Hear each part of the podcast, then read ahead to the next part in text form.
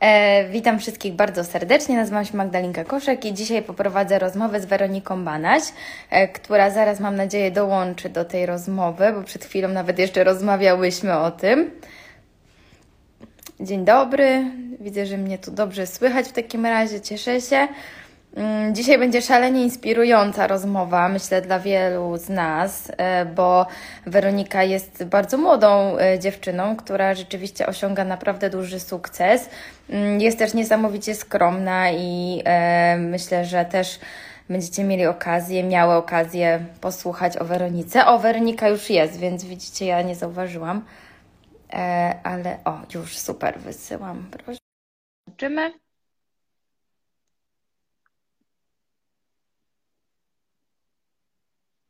Chwileczkę. O, cześć.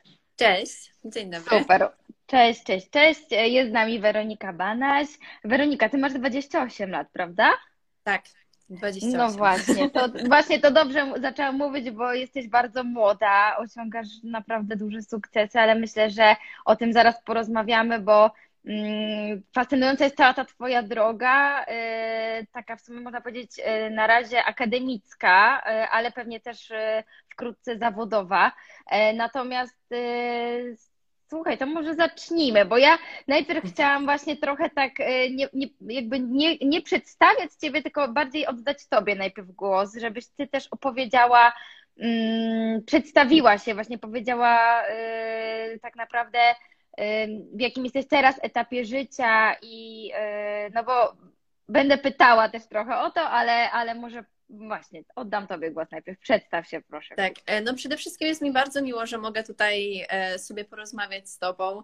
Wielokrotnie się gdzieś tam mijałyśmy na różnych eventach, jakoś się nigdy Tak. się nie udało, a wreszcie jest ku temu Ale okazja. też muszę powiedzieć, cieszę. słuchajcie, że Weronika zawsze bardzo, bardzo, bardzo mówiła miło o Hair Impact i nawet jestem mega szczęśliwa, bo czy przeczytałam nawet w wywiadzie wokół, że byłaś, wymieniłaś nas spośród wielu w sumie organizacji, więc bardzo Ci dziękujemy. Jasne.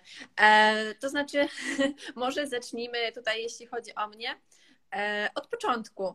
No więc, tak jak już e, gdzieś tam to było wspomniane, e, ja jestem z małej miejscowości i, i tak naprawdę właściwie bardzo się cieszę, że też mogę opowiedzieć trochę swoją historię, e, która może kogoś tam zainspiruje do, do trwania w swoich tam działaniach. E, No, tak jak wspomniałam, jestem z małej miejscowości, a teraz prowadzę badania na jednej z najlepszych uczelni związanych z designem w Nowym Jorku. Co prawda, aktualnie e, wszystko to odbywa się zdalnie, ale już właśnie w styczniu tam wylatuję. No Wow, w międzyczasie- super, w Tak, w końcu. międzyczasie, tak, udało się.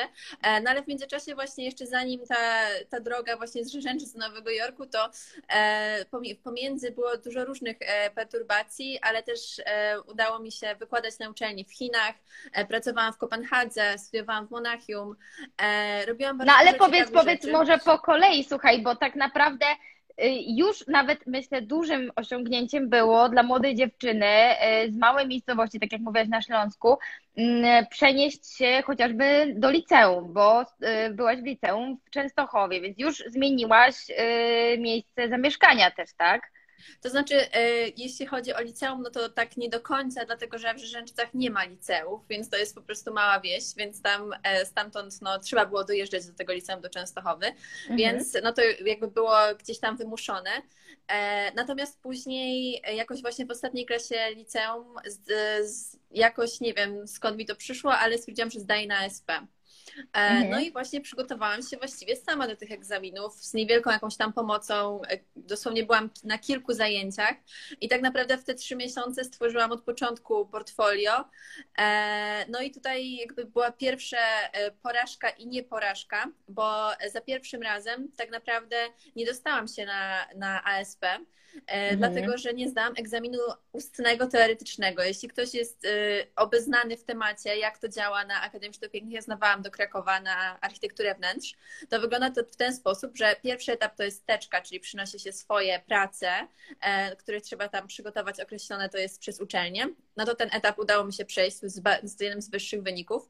Kolejny etap to jest egzamin praktyczny, gdzie przez 10 godzin jednego dnia i chyba tam 10 drugiego e, są zadania związane z malarstwem, z rysunkiem, Męczące. z postrzeganiem przestrzeni, tak? E, to myślę, że też e, jest takie dosyć potrzebne. No i też ten egzamin poszedł mi świetnie. No i natomiast trzecim etapem, no to już jest loteria, ponieważ trzeba sobie wylosować pytanie i na nie odpowiedzieć. A no to jest ja pytanie z historii sztuki? Czy to jest pytanie, które może dotyczyć tak naprawdę wszystkiego, co jest gdzieś A. tam wokoło designu, to jest e, sztuki i ja zdawałam maturę rozszerzoną też z historii sztuki, żeby jakoś tam się przygotować, żeby mieć motywację. No i niestety nie pomogło mi to w żaden sposób, bo akurat trafiłam na pytania kosę, tak zwaną, no i nie Oj. odpowiedziałam na to pytanie.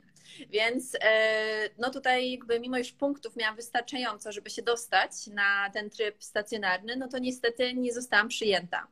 E, no ale zostałam przyjęta na wzornictwo. Studiowałam wtedy na, na UP w Krakowie e, na tym pierwszym roku. Tam zdałam egzaminy bez problemu. Natomiast nie, już wtedy nie mogłam sobie wybaczyć tego, że tak dobrze mi poszły te egzaminy, a tak naprawdę tak niewielka rzecz sprawiła, że się nie dostałam. Więc zapłaciłam jeszcze raz za mm, ten tryb, żeby zdać jeszcze raz ten egzamin, tylko że na studia niestacjonarne, które już są płatne.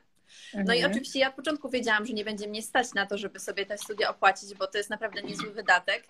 Natomiast mhm. poszłam na ten egzamin e, ustny i go zdałam. E, po to, żeby udowodnić tej komisji chyba i sobie, że naprawdę powinnam Że być. da się.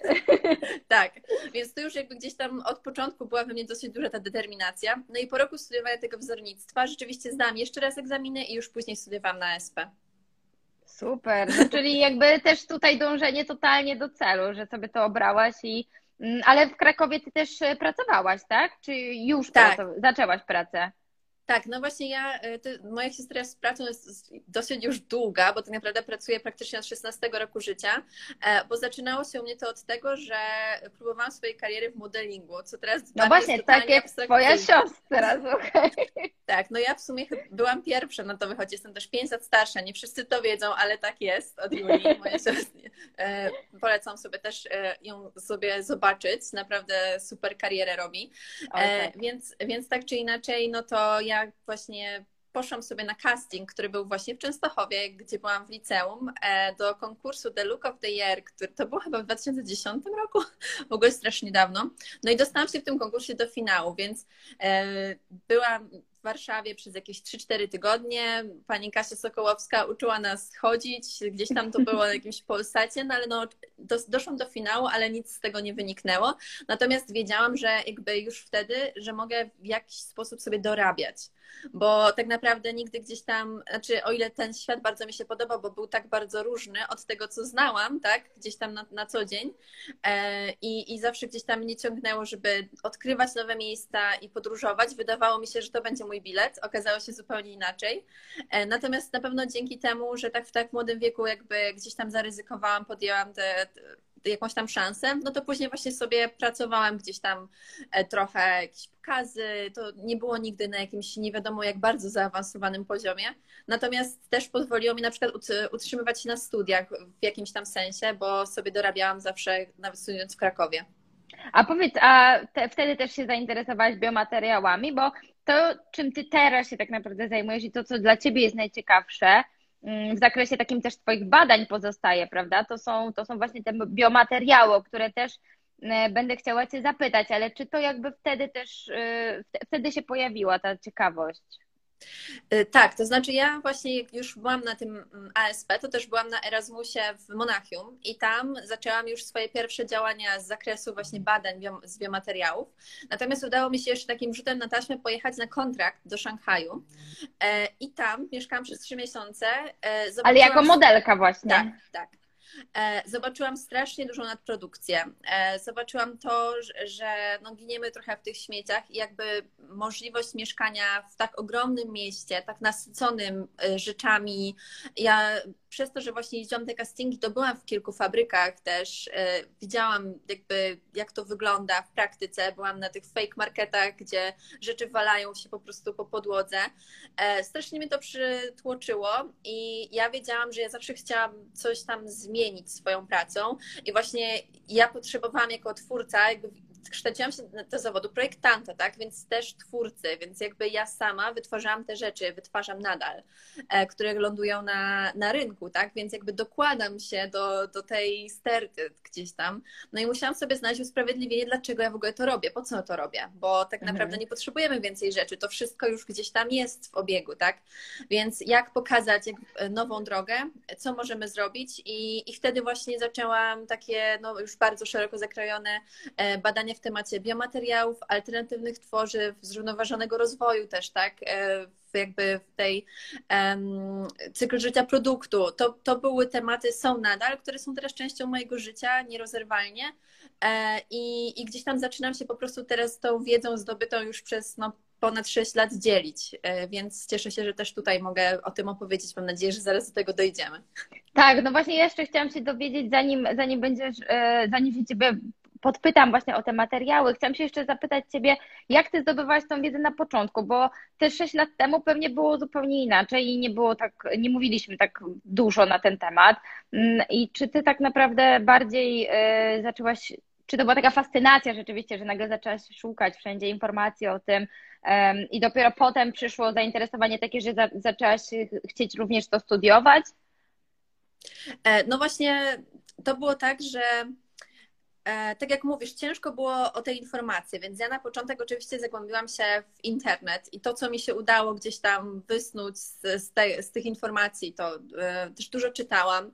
Natomiast nie było w tamtym momencie żadnej określonej um, jakby takiej wiedzy, więc to było wszystko z różnych źródeł czerpane.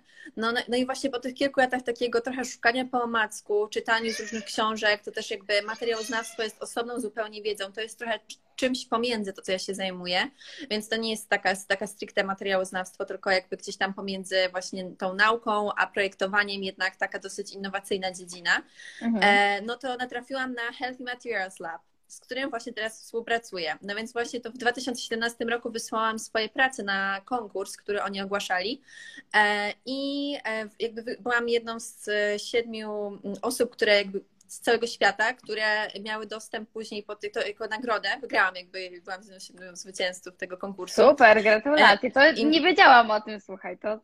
Tak, i miałam, miałam możliwość dołączenia do kursu online, który był, był właśnie oferowany przez e, Healthy Materials Lab, który jest częścią Parsons Design School, gdzie ja teraz z nimi jakby współpracuję, tak? Więc już wtedy się gdzieś tam to zaczęło. E, no i wiedziałam, że jakby oni mogą być takim źródłem informacji. Co prawda to nie jest też jakby E, od momentu, kiedy skończyłam te kursy, które, on, jakby, które wygrałam, no to jeszcze też dużo się zmieniło, bo to już było kilka lat temu, więc cały czas ta wiedza szła do przodu. Natomiast ja jakby z różnych źródeł to czerpałam. Później byłam też właśnie w Kopenhadze na, na stażu i tam też jakby chciałam, no i poszerzałam tą wiedzę na temat wytwarzania zrównoważonego e, i, i jakby troszeczkę, no bo jednak mam wrażenie, że w Skandynawii ten jest trochę bardziej slow life promowany, był wcześniej nawet niż gdzieś to się tam u nas zaczęło, czy, czy gdzieś indziej na świecie. E, więc też na pewno dużo się nauczyłam. E, no ale właśnie teraz jestem bardzo zadowolona z tego względu, że sama pracuję z Healthy Materials Lab, więc jakby... A powiedz, możesz zdradzić, co to była za praca? W sensie, co ty rzeczywiście im przesłałaś?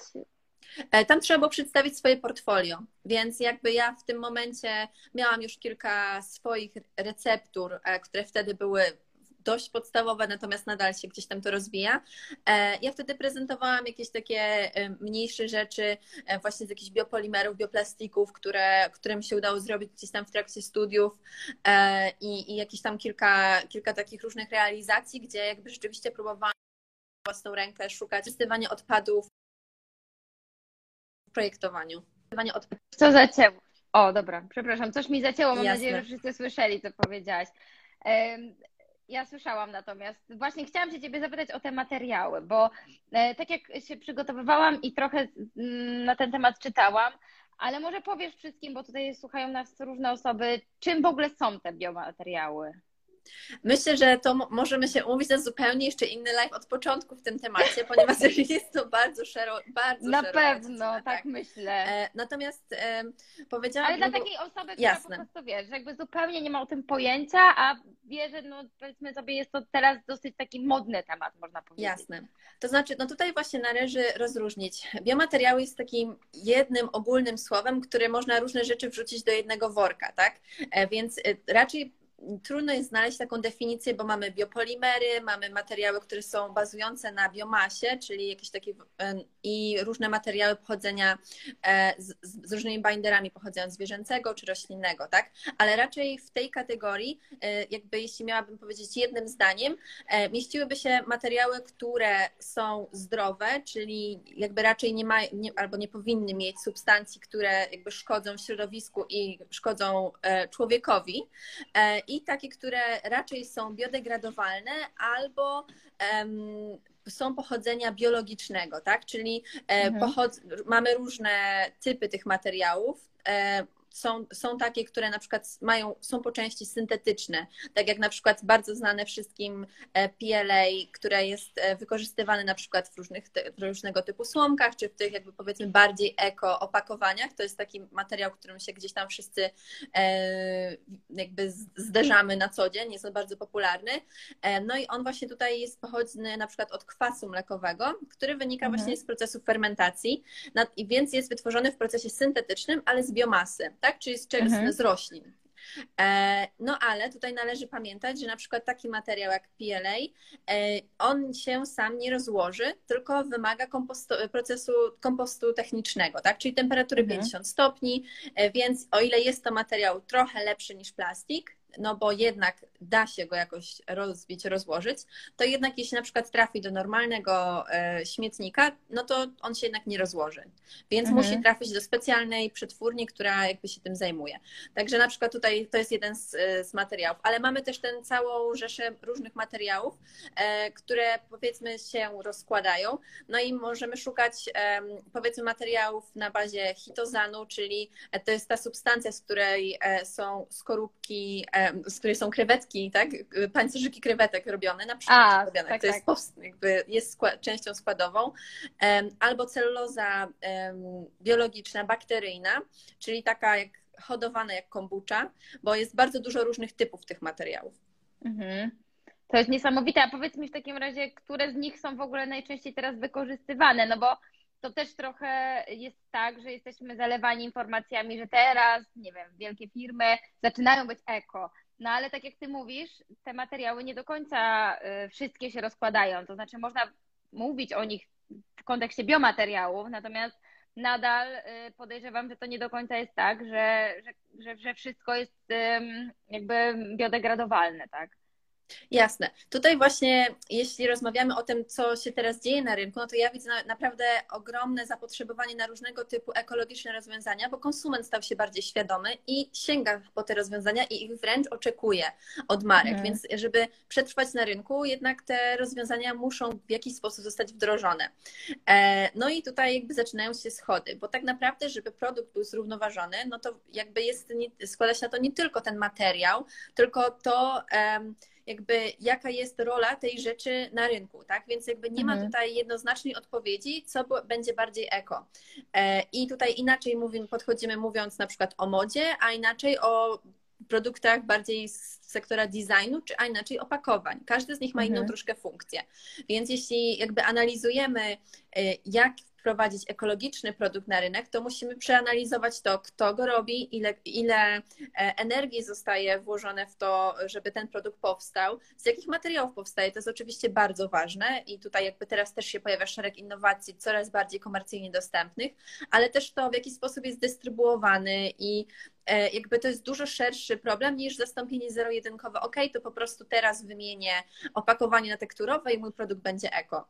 Więc mhm. tutaj to myślenie... To nie tak działa. To nie tak działa. To myślenie jest troszeczkę błędne, natomiast jakby wszyscy się uczymy gdzieś tam tego, jak podchodzić do pewnych nowo, innowacyjnych rozwiązań, bo nie ukrywam, że też e, nie ma jednoznacznej odpowiedzi na to, co jest lepsze.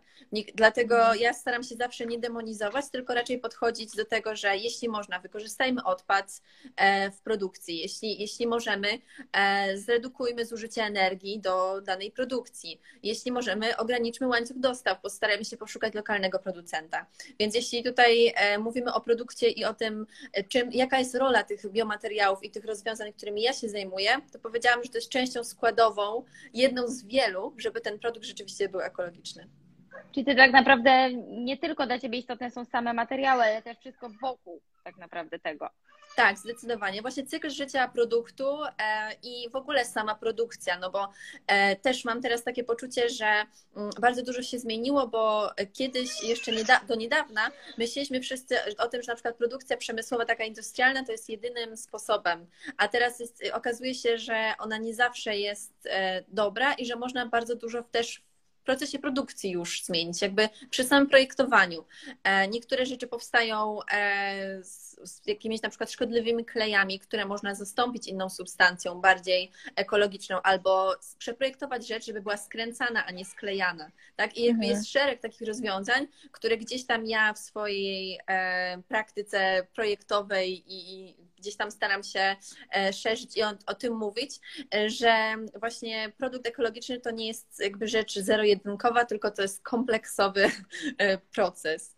A powiedz w takim razie, ty jako, ty, ty, jak, jako, jako badaczka, jako właśnie czym ty się dokładnie zajmujesz? Czy ty rzeczywiście tworzysz te materiały, w sensie odkrywasz na przykład, z czego da, damy radę jeszcze produkować, jakby, y, tutaj mówię właśnie na przykład o roślinach, tak? Czy, czy zajmujesz się czymś jeszcze zupełnie innym przy tym? E, to znaczy, ja gdzieś tam działam sobie dwutorowo, bo jedna rzecz to jest taka, że rzeczywiście rozwijam i staram się pracować nad e, innowacyjnymi materiałami, które być może właśnie za chwilę gdzieś tam uda się powdrażać.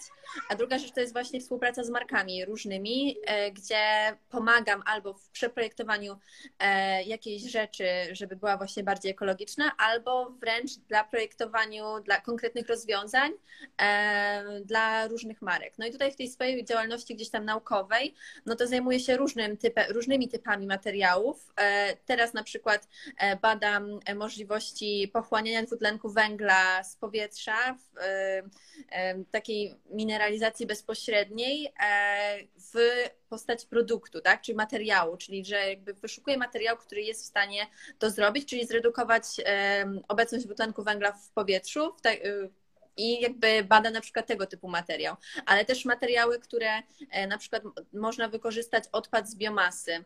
Mm, mhm. Pracowałam ostatnio też nad e, ciekawym projektem, gdzieś tam właśnie w kontekście biżuterii tutaj akurat, gdzie robiłam kamienie z odpadu z elektrośmieci, więc e, jakby gdzieś tam też pracuję nad kilkoma albo kilkunastoma wręcz rozwiązaniami. Też właśnie jakieś folie na bazie hitozanu, które jakby mają trochę lepsze właściwości niż plastik i się bardziej sprawdzają w, w, różnych warunkach, więc raczej ja staram się działać zadaniowo, więc na przykład jest jakiś problem, który ja się staram rozwiązać, zaproponować inne rozwiązania, ale mhm. też jakby sama szukam cały czas e, tego, co można jeszcze zrobić, jaki nowy e, biopolimer albo substancję można wykorzystać i albo wziąć z przyszłości i e, czyli z jakichś starożytnych przepisów, klejów, czytam bardzo dużo książek, e, czy właśnie wręcz w drugą stronę bardzo pójść przyszłość do nanocelulozy i jakby mikrocząsteczek, które mają dużo mniejszą przepuszczalność i są w stanie trochę co innego zrobić. A czy to widzisz e, teraz, jak jesteś tu jest pytanie, czy jesteś z zawodu chemikiem albo fizykiem? O, bo to tak nie. Tak nie, jest, nie jestem e, ani chemikiem, ani fizykiem. E, jestem głęboko zainteresowana obiema tymi dziedzinami, bardziej, bardziej raczej chemią, bo tutaj Myślę, że w kontekście materiałów, no skład chemiczny, skład rzeczy to jest coś, co ja jakby analizuję na co dzień, tak? Z czego są rzeczy zrobione, bo należy pamiętać o tym, że żyjemy w świecie materiałów, jesteśmy otoczeni substancjami, jakby czy tego chcemy, czy nie. To jest wszystko to, co nosimy, to jest to, czym, na czym siedzimy. Materiały są wszędzie, dlatego nie da się tak łatwo określić, czym jest ten świat, bo jest w sumie wszystkim, tak, świat materiałów. No i tutaj trzeba sobie zawęzić. Ja się zajmuję właśnie tą częścią pomiędzy właśnie eksperymentalnym projektowaniem, a chemią i e, taką działalnością naukową. Z tym, że właśnie współpracuję, jakby jestem tym łącznikiem trochę pomiędzy tym tymi dwoma światami. Tak bym chyba no się bo też to, też to sprawdzasz w sumie, tak? Pewnie z innymi mm, badaczami, na przykład osobami, które rzeczywiście zajmują się tym. E, pytanie tak. jest dla mnie też, wiesz, zastanawiam się nad tym, jak ty jesteś, mm, jak teraz, no jeszcze nie ma, nie jesteś w Stanach, tak? Dopiero, dopiero wylecisz do Nowego Jorku, natomiast zastanawiam mnie to, czy już widzisz e, na przykład to, że wśród, nie wiem, innych studentów i w ogóle na uczelni, że tam jest taka przyszłość, czy rzeczywiście e, tam wszyscy bardzo pracują nad tym, e, aby, aby zmienić ten, e, ten świat, jeżeli chodzi właśnie o zanieczyszczenie środowiska, o, te, e, o tą sytuację, która, która teraz panuje. I czy widzisz na przykład pracę nad materiałami, które staną się wkrótce dostępne? To znaczy tutaj, no różnie to bywa, tak? W sensie to jest na pewno bardzo progresywna uczelnia i jest duża grupa osób, która rzeczywiście działa bardzo mocno w kierunku tego, żeby takie rozwiązania popularyzować i jest rzeczywista potrzeba e, tego, żeby takie rzeczy się działy. Natomiast to nie, ta uczelnia nie jest tylko o materiałach. Tam jakby mhm. różne, różne osoby przychodzą z różnymi problemami, też tematami właśnie związanymi z rasowością, z jakimiś podziałami, tak, z nierównością, jakby tym kontekście też jest bardzo dużo do zrobienia, tak? Więc każdy, mam wrażenie, ma swoje, e, sw swoją działkę trochę, którą gdzieś tam się zajmuje, stara się ulepszyć. Natomiast e, jakby rzeczywiście uczelnia nie to, że wymaga e, ekologicznego podejścia, ale raczej nie akceptuje rozwiązań, które są w jakiś sposób przestarzałe albo są tylko na temat estetyki. Myślę, że to już gdzieś tam dawno, znaczy może niedawno minęło, natomiast mam wrażenie, że dzisiaj to już nie jest wystarczająco, jakby żeby coś było było po prostu ładne. Musi mhm. za tym iść e, albo jakaś historia, albo człowiek, e, albo materiał, jakakolwiek innowacja, że ta właśnie taka czysta estetyzacja gdzieś tam już zostaje powoli zapomniana i może to dobrze dla nas. E, więc... A czy to jest, czy widzisz tą różnicę, że tak jest na tej uczelni, a na przykład in, zupełnie inny program, czy inaczej było, inne podejście było w Polsce? E, tak, zdecydowanie. Zdecydowanie, tak. E, to znaczy, no, nie demonizowałabym tutaj aż tak strasznie polskich uczelni, natomiast e, no, raczej nie było tutaj, znaczy to innowacyjne myślenie, czy to jakby gdzieś tam poza tym, tym pudełkiem, czy poza tym programem, raczej nie było jakoś super. E, promowane, czy jakoś świetnie, nie wiem, wspierane. Oprócz tam co, kilku osób, które rzeczywiście gdzieś tam chcą, chciały coś tam popchnąć dalej i zmienić e, i, i, gdzieś tam wesprzeć te, te działania, no to raczej wymagało się podążania takim standardowym torem. Natomiast teraz tutaj mam e, dużo bardziej wolną rękę a, i wręcz wsparcie w tworzeniu e, rzeczy, które gdzieś tam mogą w przyszłości coś zmienić. Tak? Jeszcze nie wiadomo do końca co, natomiast to myślenie jest cenione i właśnie dzięki temu e, myśleniu jakby zostałam się na w sumie wszystkie te uczelnie, na które gdzieś tam aplikowałam w Stanach, bo no rzeczywiście znaczy jest ta zmiana dostrzeżona i jakby jest wykonywane działanie w tym kierunku. No nawet samo mhm. to, że Healthy Materials Lab jest częścią mojej uczelni, więc nawet samo to e, też pokazuje, że gdzieś tam to, to myślenie jest. A powiedz mi, e, bo ty, ja przeczytałam gdzieś, że ty jesteś w sumie jedyną Polką, tak? Czy Europejką nawet? Tak, jakby akurat no, nie ma nikogo więcej z Europy, natomiast e, są też ludzie z Chin, z e, Indii, z Brazylii i ze Stanów właśnie, taki, taki mamy rok, i z Japonii. I jak w ogóle się odnajdujesz w takim towarzystwie, w takim gronie międzynarodowym? To znaczy, no ja właśnie tutaj nie mam jakiegoś większego problemu, bo e, ja uczestniczyłam w wielu projektach międzynarodowych, mieszkałam też w różnych miejscach, więc raczej ja nie patrzę na człowieka z perspektywy tego, kim jest, czy jak wygląda, tylko raczej e, no, co, co potrafi, jak się, jak się z nim rozmawia, więc raczej nie mam jakichś takich wielkich barier i, i raczej staram się ich nie budować, bo uważam, że to nie jest zupełnie potrzebne, a i tak wszyscy jakby zbyt dużo jest zbyt dużo, często jest im podawani ocenie, więc raczej się staram tutaj po prostu nie zrażać w żaden sposób. Na razie jeszcze nic strasznego mnie nie spotkało, wręcz, wręcz tutaj akurat jest to jedno z chyba z niewielu jakichś takich doświadczeń, gdzie rzeczywiście żadnej, żadnego braku tolerancji w moim kierunku nie, nie, nie usłyszałam, więc raczej jest to bardzo ciekawe doświadczenie, bo jest to bardzo dużo różnych e, osób z różnych miejsc, z różnym bagażem doświadczeń, natomiast jakby gdzieś tam wszyscy pracujemy na, na ten rozwój i, i szukamy nowych, nowych rozwiązań. No właśnie tak sobie myślę, że wiesz, że osoby z różnych y, części świata tak naprawdę mogą mieć też e, różnego rodzaju doświadczenie i może to być przydatne y, właśnie w zakresie Twojej też pracy. Zdecydowanie, no właśnie jakby takie międzynarodowe kontakty, no to jest chyba e, no coś, co będzie bardzo potrzebne, jest potrzebne, no bo musimy ze sobą rozmawiać, musimy się komunikować.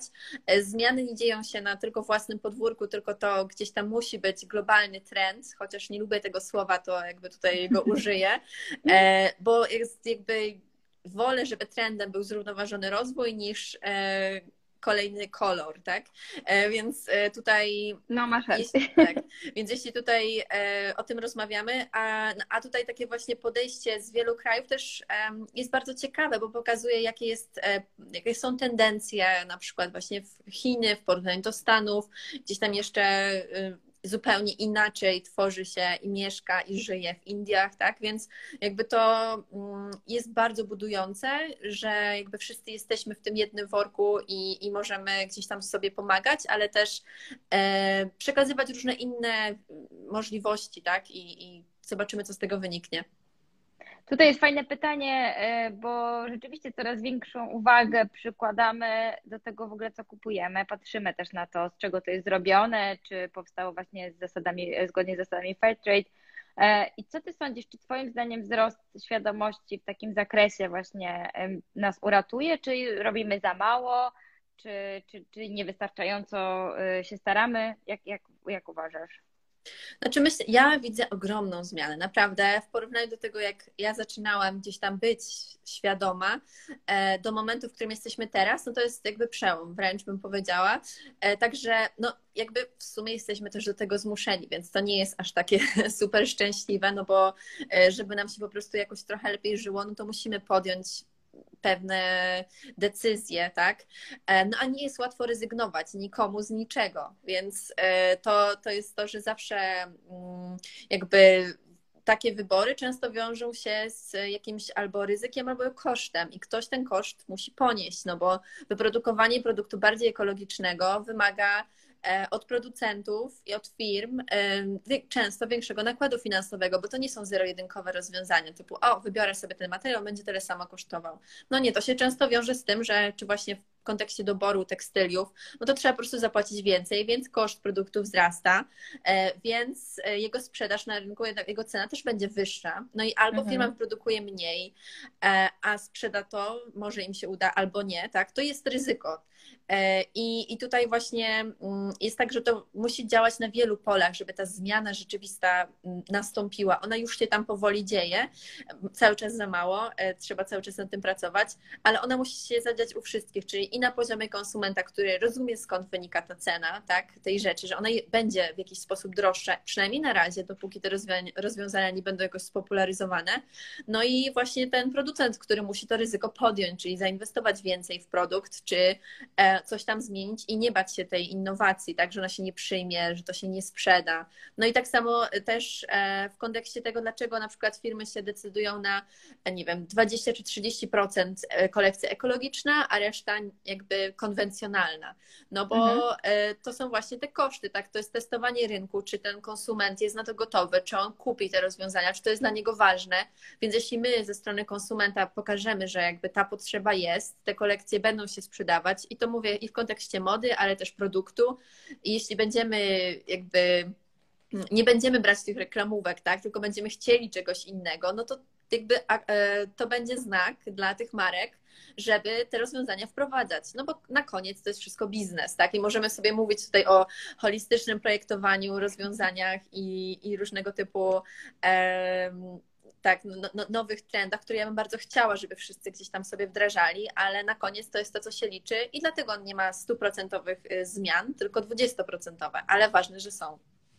No, ja właśnie się zawsze zastanawiam nad tym, powiem Ci szczerze, że dlaczego tak naprawdę y, te materiały są tak rzeczywiście droższe i dlaczego, nie wiem, skóra z ananasa jest droższa od zwykłej skóry i, i jakby, czy to się wiąże tylko i wyłącznie z tym, że jest trudniejsze w wyprodukowaniu, czy po prostu jeszcze jest za wcześnie, żeby mówić o, o wdrażaniu materiałów, takich y, właśnie tych biomateriałów na y, dużą skalę?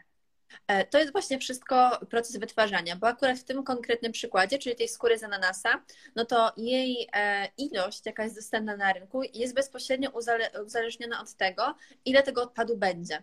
Więc oni mhm. nie, nie sadzą specjalnie tych ananasów, żeby mieć więcej tej, e, tego odpadu, żeby wyprodukować więcej tej skóry. Może to się teraz odrobinę zmienia, ale nie starają się jakby wyeksploatować tego systemu, który gdzieś, na którym bazują, więc tego materiału jest mało, więc on jest droższy, tak? I dlatego e, no, niektórych to po prostu przerasta, chociaż bardzo by chcieli wymienić na tego typu materiał i wiedzą, że jest dostępny, no ale kto za to zapłaci, tak?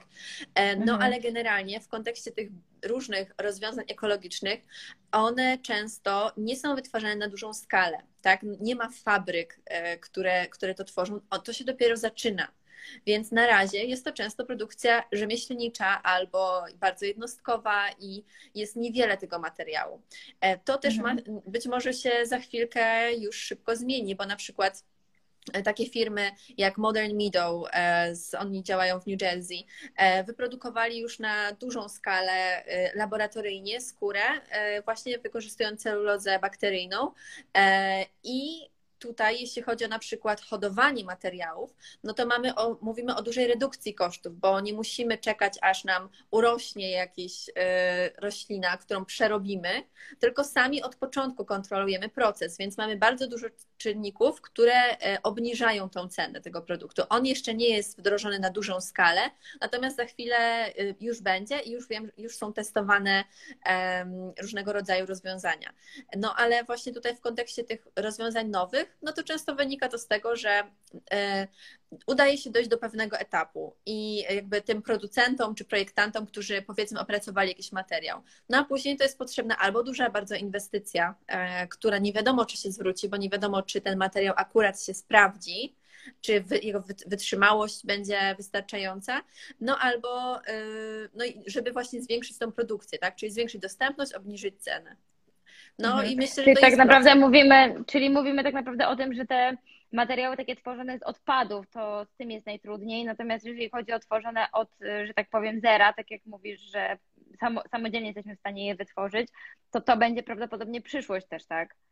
Tak, biofabrykacja i jakby wytwarzanie rzeczy od podstaw, no bo tutaj jeśli, no bo wiadomo, że e, w kontekście tej, tego akurat materiału konkretnego, oto jest on w całości wyhodowany w laboratorium, tak? Mhm. Czyli e, na podstawie właśnie mm, tej, tej celulozy bakteryjnej, tak? Więc nie, nie musimy czekać, aż urośnie drzewo, żeby powstała, e, żeby powstała wiskoza, tylko jakby możemy od, od początku przeprowadzić proces w jednym pomieszczeniu.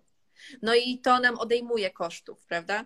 Więc e, na, na razie jeszcze sam ten proces jest wolny, ale no wiadomo, że pracuje się nad jego przyspieszeniem. No i też jego skala nie jest jeszcze ogromna, ale za chwilę może być. Więc jeśli miałabym upatrywać jakby przyszłość e, i który materiał najszybciej gdzieś tam, gdzieś tam wejdzie, to pewnie będzie to.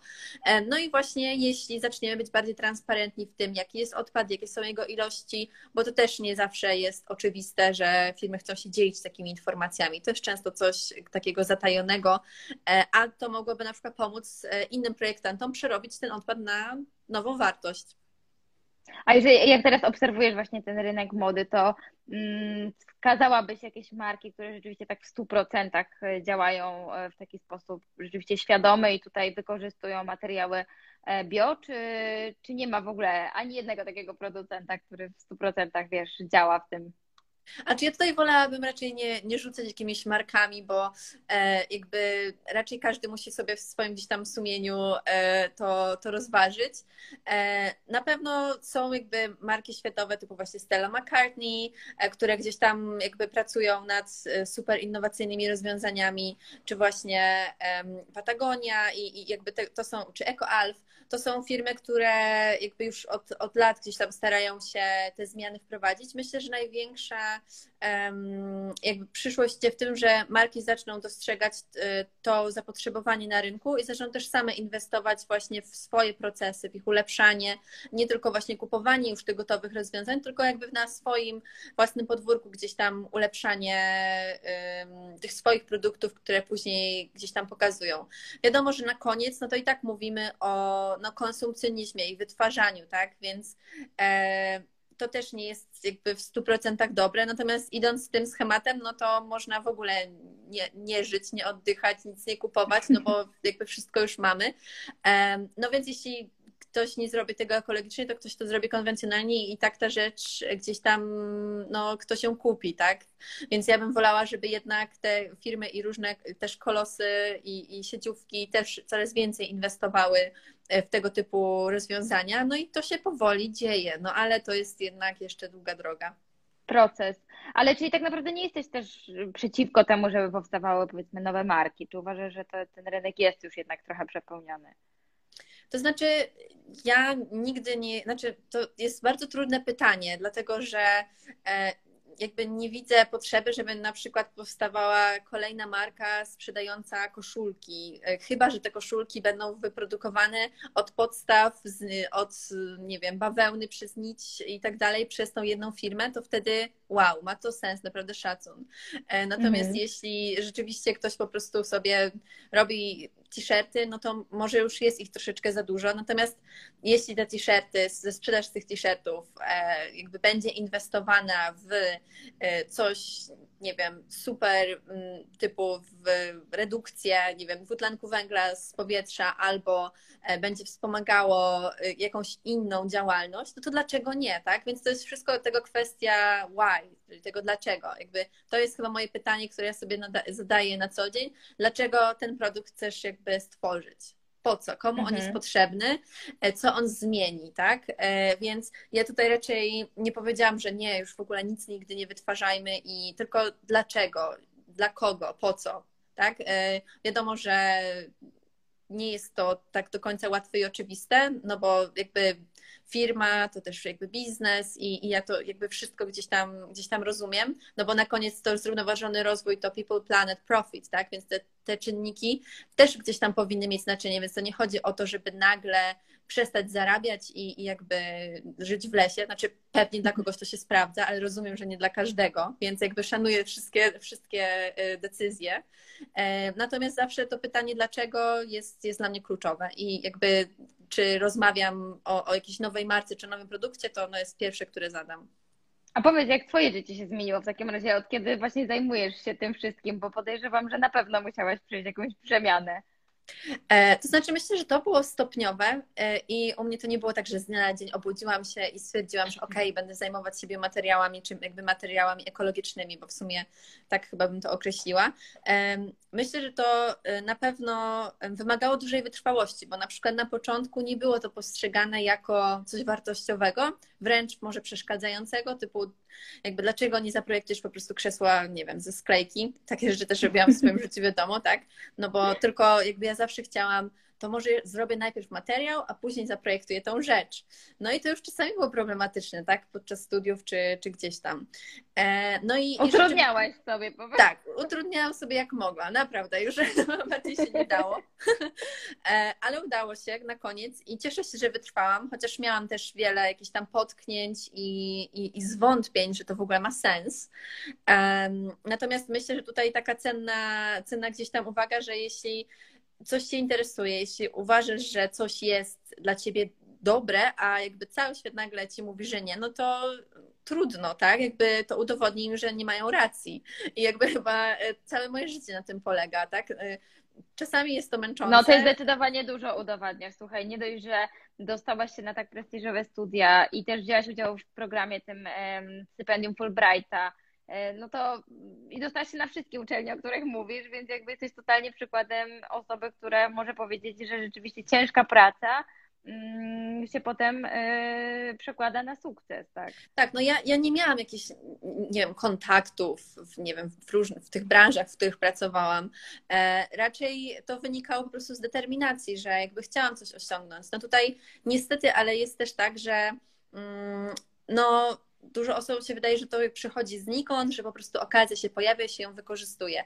No ale też jest kwestia wyszukiwania tych okazji i jakby e, często jakichś wyrzeczeń, tak? Bo to nie jest tak, że e, to, że ja na, na przykład teraz tyle rzeczy gdzieś tam tworzę naraz, no to jakby jest, przychodzi mi po prostu tak łatwo i jakby nic, nie muszę na to pracować, tak? To są tak naprawdę lata siedzenia w książkach. E, wielokrotnie już miałam takie myśli, że dobra, po prostu pójdę do pracy jakiejś zwykłej albo, znaczy zwykłej, po prostu pójdę e, gdzieś tam do korporacji, tak? Ale po prostu, żeby mieć e, jakoś trochę łatwiej, no ale nie, jakby wytrwałam i, i też jakby e, gdzieś tam ze wsparciem moich przyjaciół i, i, i gdzieś tam cały czas e, te materiały i, i ten ekologiczny tryb i ten zrównoważony rozwój mm, no zaczął wreszcie gdzieś tam procentować, bo to są lata, tak? To nie jest tak, że to się w pół roku wydarzyło w moim życiu, tylko to był cały długi proces, no, który bardzo mnie też umocnił, no bo byłam w różnych sytuacjach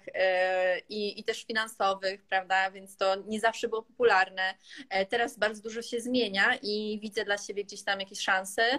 Natomiast no, w takich innowacyjnych, jakby nowych kierunkach, no nie, jakby nie zawsze jest to zrozumienie, tak? I też czy na właśnie na konferencjach naukowych i tak dalej, też nie zawsze jest zrozumienie, czym ja się tak naprawdę zajmuję, o co mi chodzi, co ja chcę osiągnąć.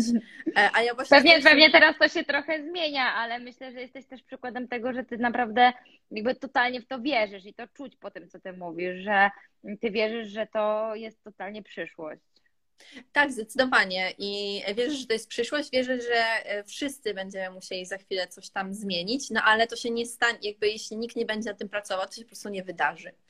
Więc, e, no tak, to jest prawda. Więc tak. E, no, trzeba od czegoś zacząć. Nigdy nie jest łatwo jakby gdzieś tam zaczynać.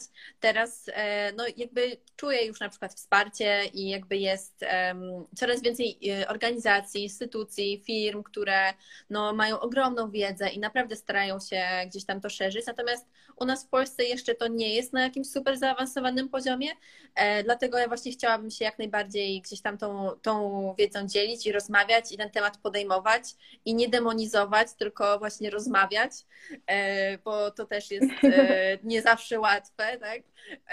No ale... Ja myślę, że wiesz, ten temat jest trudny o tyle, że niewiele osób rozumie po prostu, czym są te materiały. To jest pierwsza rzecz, a po drugie, jakie to ma rzeczywiście znaczenie i jak to się przekłada na nas. No bo to, że wiesz, jesteś na przykład w laboratorium i próbujesz wytworzyć nowy materiał, nie dla każdego będzie zrozumiałe, że potem z tego będzie mógł korzystać, tak, na masową skalę. No i też kwestia jest na pewno tych kosztów. Myślę, że to jest y, totalnie mm, jakby też do, w przyszłości do rozgryzienia, jak, jak będziemy w stanie produkować e, te rzeczy za, mm, i oferować je później w sprzedaży za niższą cenę, no bo jednak też do tego się to sprowadza.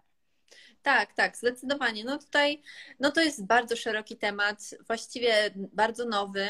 E, no cieszę się, że jakby gdzieś tam mogę to rozwijać i, i mogę o tym mówić i chcę o tym mówić jak, jak najbardziej, e, więc, więc tutaj super, że możemy dzisiaj porozmawiać, chociaż tak jak A mówię, powiedz mi w takim razie, Powiedz mi, co było dla Ciebie takie najbardziej zaskakujące, jak już zaczęłaś studia? Czy było coś takiego, jakaś nowa zupełnie wiedza albo no bo o tym podejściu już rozmawiałyśmy, ale w kontekście właśnie tych, tego, czym się zajmujesz. E, no na razie jeszcze nic mnie jakoś strasznie nie zaskoczyło. E, Czyli tylko wiesz. Więc nie, no nie to, że nie, to nie jest tak, że wszystko wiem. Ja, ja się uczę codziennie, czegoś naprawdę codziennie. E, zaskoczył, zaskoczyło mnie, co mnie zaskoczyło? E, myślę, że no na początku ten tryb e, stu, no studiów, tego, tych badań, no jest to ciężkie, dlatego że e, jest to wszystko zdalnie i o ile mam wiele godzin spędzam codziennie teraz przed komputerem, a, a gdzieś tam zawsze dzieliłam to pomiędzy pracownię, czy tutaj na teraz jakby siedzę, e, no i trochę brakuje tego, tej przestrzeni do pracy, labu, tak? Więc to jakby myślę, że dla wszystkich teraz był bardzo ciężki czas. No mhm. i jakby tutaj e, chyba to było najtrudniejsze. No i też to, że nawiązywanie relacji z ludźmi, też jakby powiedzmy biznesowych, różnych pracowych przez internet, e, dla mnie no, duże zaskoczenie, jakby, no nie to, że zaskoczenie, ale jakby no, problematyczne jest, tak? Nie ma w internecie przypadkowych spotkań, nie ma w internecie siedzenia w bibliotece i rozmawiania, tak? Czy nawet konferencje, w których biorę udział, no to też są zdalne, więc to nie jest już tak łatwe, jak było wcześniej, podejść do kogoś i, i zacząć jakby rozmowę, tak? E, z czego najlepsze przychodzą później pomysły. Więc chyba to było takim, no, znaczy jest właściwie takim kamieniem do przerzucenia, ale myślę, że wszyscy musieliśmy trochę zmienić swoje podejście ostatnio. E, no i też to, że właśnie no, właściwie przez te pół roku dużo się u mnie zmieniło, no bo miałam już być w Stanach, miałam też w międzyczasie wlecieć do Chin właśnie na wykłady. E, no i to wszystko gdzieś tam na razie się rozmyło. Mam nadzieję właśnie już, że w tym styczniu uda się wylecieć. Już odebrałam dzisiaj wizę, więc... O proszę, to w dobrym momencie rozmawiamy. Tak, więc, więc są szanse. A powiedz, bo ty też mówiłaś, że ty wykładasz, tak? Bo to było takie pytanie, czy ty też wykładasz? E, tak, no właściwie teraz to tak e, różnie to bywa, no bo właśnie ta pandemia, ale zaczęłam e, prowadzić wykłady na Uniwersytecie University of Aeronautics e, w Zhengzhou, to jest w Chinach. E, I tam po prostu byłam na miesiąc, e, trochę ponad i prowadziłam e, swoje warsztaty. Właściwie to nie, nie, nie jest taki pełny semestralny program, tylko lecę tam na takie intensywne miesięczne warsztaty, gdzie przygotowuję swój program. Akurat ten pierwszy raz no to było właśnie z zakresu architektury wnętrz, ale właśnie w kontekście również materiałów, zrównoważonego rozwoju. Gdzieś tam staram się tą wiedzę przemycać, więc tak naprawdę od momentu, w którym byłam jako modelka na Fashion Weeku w Szanghaju, a teraz e, tam poleciałam wykładać, więc myślę, że to naprawdę niezłe koło. No, totalnie, ale też wiesz, fajne jest to, że ty nie masz takich barier, że dla ciebie jest po prostu nie ma żadnego problemu, żeby wiesz, tu Chiny, tu Stany, tu, tu Polska, tak? Jakby to jest niesamowite i zastanawiam się, czy to jest też czy zauważyłaś u siebie, bo to, że się odważyłaś i że miałaś tą odwagę w sobie, to jest niesamowite, ale czy zauważyłaś też pewne zmiany e, właśnie w swoim myśleniu, w swoim jakby takim zachowaniu po tym, jak e, możesz powiedzieć, jesteś teraz, tak, kobietą sukcesu, no, czy, czy zauważyłaś też e, u siebie zmiany w charakterze? E, no to jest bardzo dobre i trudne pytanie, e, bo myślę, że to raczej jest pytanie do gdzieś tam z mojego otoczenia. Natomiast myślę, że czuję e, się bardziej pewna siebie.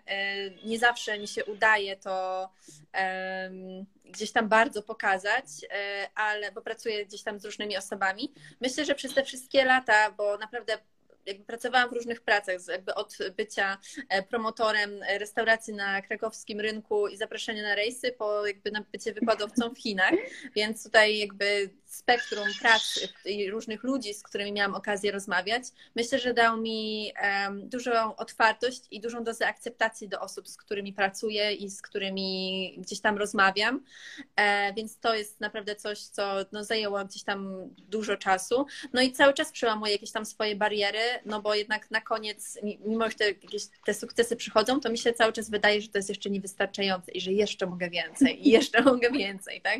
Więc... Czyli nie uważasz, że osiągnęłaś sukces już? Czy, czy już trochę jakby sobie pogratulowałaś tego sukcesu, czy jeszcze nie?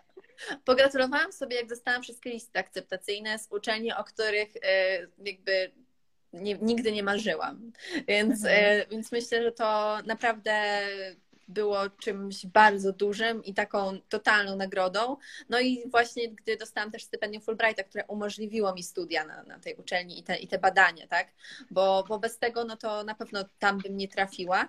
E, i, I myślę, że to było takim momentem, w którym rzeczywiście powiedziałam sobie, ok, jakby jest, jest w porządku. Natomiast ja cały czas uważam, że mogę więcej i cały czas chcę więcej, e, więc no cóż. A wiem, powiedz, jeżeli chodzi, A jeżeli miałabyś poradzić, bo wiesz, Hair Impact znasz doskonale, wiesz, że też e, jesteśmy totalnie, e, kierujemy się też do młodych dziewczyn i powiedz, co byś im poradziła? No bo zrobiłaś niesamowitą e, karierę, no nie bójmy się tego słowa, bo jesteś nadal bardzo młoda, ale już masz za sobą wielkie osiągnięcia i co byś poradziła osobie, która teraz na przykład jest właśnie w liceum? E, przede wszystkim znaleźć coś, co Cię pasjonuje. Wiem, że to jest taki trochę klisze i, i, i tak dalej, natomiast e, starać się jakby zajrzeć w głąb siebie i się zastanowić, co, co ja tak naprawdę lubię robić. Czyli i, i czasami się to może wydawać super błahe, na przykład, nie wiem, e, no to może być wszystko, tak? Lubię oglądać filmy I wokół tego można zbudować wspaniałą karierę, idąc na jakby kierunki, które umożliwiają rozwój w tym, w czym co się lubi, tak? Bo jakby tak. dla, ty, Dlatego ja e, myślę, że gdzieś tam cały czas e, nie czuję, że to jest praca i tak dalej, chociaż bardzo dużo pracuję, tak naprawdę wiele godzin dziennie i nie tylko, jakby to się gdzieś tam bardzo No ale to jest chyba tak, że po prostu ty wkładasz ogromną pracę w to i dzięki temu masz te osiągnięcia, no bo to nie jest tak, że po prostu sobie przyszło. Nie, zdecydowanie. No i A właśnie to, to jest tak, tak. Jeśli się znajdzie tą pasję, to można naprawdę, jeśli się jest zdeterminowanym i ambitnym, no to naprawdę można dużo osiągnąć w każdej dziedzinie. I jakby tutaj jakby nie bałabym się, y, jakby każda dziedzina jest otwarta na e, zaangażowanych ludzi i nie jest tak, że jakiś rynek już jest nasycony i tak dalej. Ja uważam, że jeśli ktoś naprawdę e, czuje powołanie, pasję do robienia jakichś rzeczy, no to to po prostu niezależnie od tych przeciwności losu, czy tak. też, e, no myślę, że tutaj ważnym jest takim mm, lekcją, którą ja w sumie cały czas się gdzieś uczę, e, jest to, żeby też się nie zrażać tym jakby jakim się ma status finansowy, czy gdzieś tam społeczny, tak? Bo czasami jest tak, że okej, okay, jakby na to mnie nie stać, na ten, na ten kurs nie pójdę, zawsze jest jakaś możliwość, zawsze są jakieś stypendia, zawsze są e, jakieś osoby, których można się zapytać, czy jakby można brać różne wolontariaty, można naprawdę dotrzeć do wspaniałych ludzi, którzy gdzieś tam nas w przyszłości wesprą e, nawet jeśli tych pieniędzy się nie ma, tak? Bo to jest często takim, że nie pójdę na studia do większego miasta czy na taką uczelnię, bo jak ja sobie poradzę tak? A no tutaj jakby jeśli no to jest chce, to naprawdę doskonałym przykładem, przykładem tego, że da się i wyjechać do Monachium na Erasmusa i do, i do Chin i da się wziąć udział właśnie, mówię, tak jak powiedziałaś, w tym konkursie, żeby, żeby zdobyć też fundusze, więc totalnie jesteś tego przykładem i bardzo fajnie, że o tym mówisz, bo myślę, że to nie jest wstydliwy temat, tylko właśnie to jest temat, którym, o którym powinno się mówić głośno, tym bardziej patrząc na Twoje osiągnięcia, tak? To, że się rzeczywiście da. Tak, no tutaj właśnie najważniejsze, żeby się nie poddawać, no i szukać tych dróg, bo to, że coś nie jest takie właśnie proste, to czasami może się okazać dużo bardziej wartościowe. Na przykład jakbym, nie wiem, e, od razu dostała się na, na ASP, no to właśnie nie spróbowałam może jeszcze tego wzornictwa, do którego teraz gdzieś tam wracam, tak? Więc jakby wszystko jest gdzieś tam po coś. Tak. tak. Nic się nie dzieje bez przyczyny, chciałam powiedzieć, dokładnie. Słuchaj, Weronika, jesteś niesamowicie inspirującą osobą i bardzo Ci dziękuję za tą rozmowę. Myślę, że mm, bardzo wiele osób powinno sobie ją odtworzyć, odsłuchać i, i po prostu posłuchać tego, jak y, można osiągnąć wiele y, naprawdę bez, bez y, znaczy starając się i rzeczywiście dążąc do, te, do tego, bo to, co my cały czas też w Hair Impact podkreślamy, to to, że e, wiele rzeczy jest podanych na tacy, wystarczy z tego skorzystać i naprawdę nie ma wymówek wtedy, że, że czegoś się nie da. Zdecydowanie, ja, ja też właśnie tak uważam, no i przede wszystkim trzeba szukać swojej ścieżki, bo jakby najgorszy jest moim, moim zdaniem teraz taka plaga tkwić w swojej strefie komfortu i bać się z niej wyjść, czyli mam już określone jakieś tam swoje schematy ścieżki w życiu i boję się podjąć tego ryzyka. Jak, no jest niestety, jeśli ktoś boi się podjąć ryzyka jakiegokolwiek czasami niewielkiego, no to jakby cały czas będzie tkwił w czymś, czym może jest nieszczęśliwy. Jeśli nie spróbujesz, to się nie przekonasz. Więc trzeba sięgać po szanse i, i jakby szukać możliwości osiągnięcia tego, czego się chce. Słuchaj, i tego Ci dalej życzymy, żebyś szła swoją drogą, tak jak cały czas idziesz. Bardzo Ci dziękuję za rozmowę i mam nadzieję, że słuchaj, nie wiem, za 2-3 lata, jak skończysz e, uczelnię, e, spotkamy się znowu, porozmawiamy i, i będziesz mogła znowu e, po, powiedzieć, co dalej z tymi materiałami i co dalej w ogóle w branży się dzieje. Dzięki. Jasne, dziękuję Ci bardzo, uściskaj córeczkę. Dzięki. Już słyszałam, że się domaga mamy, więc kończymy. Dziękuję Ci bardzo. Dzięki. Dzięki bardzo, było mi bardzo miło i jakby mam nadzieję, że jeszcze się spotkamy niedługo w, w mniej pandemicznym świecie. Dokładnie tak. Dzięki, cześć, dobrego wieczoru. Dzięki bardzo.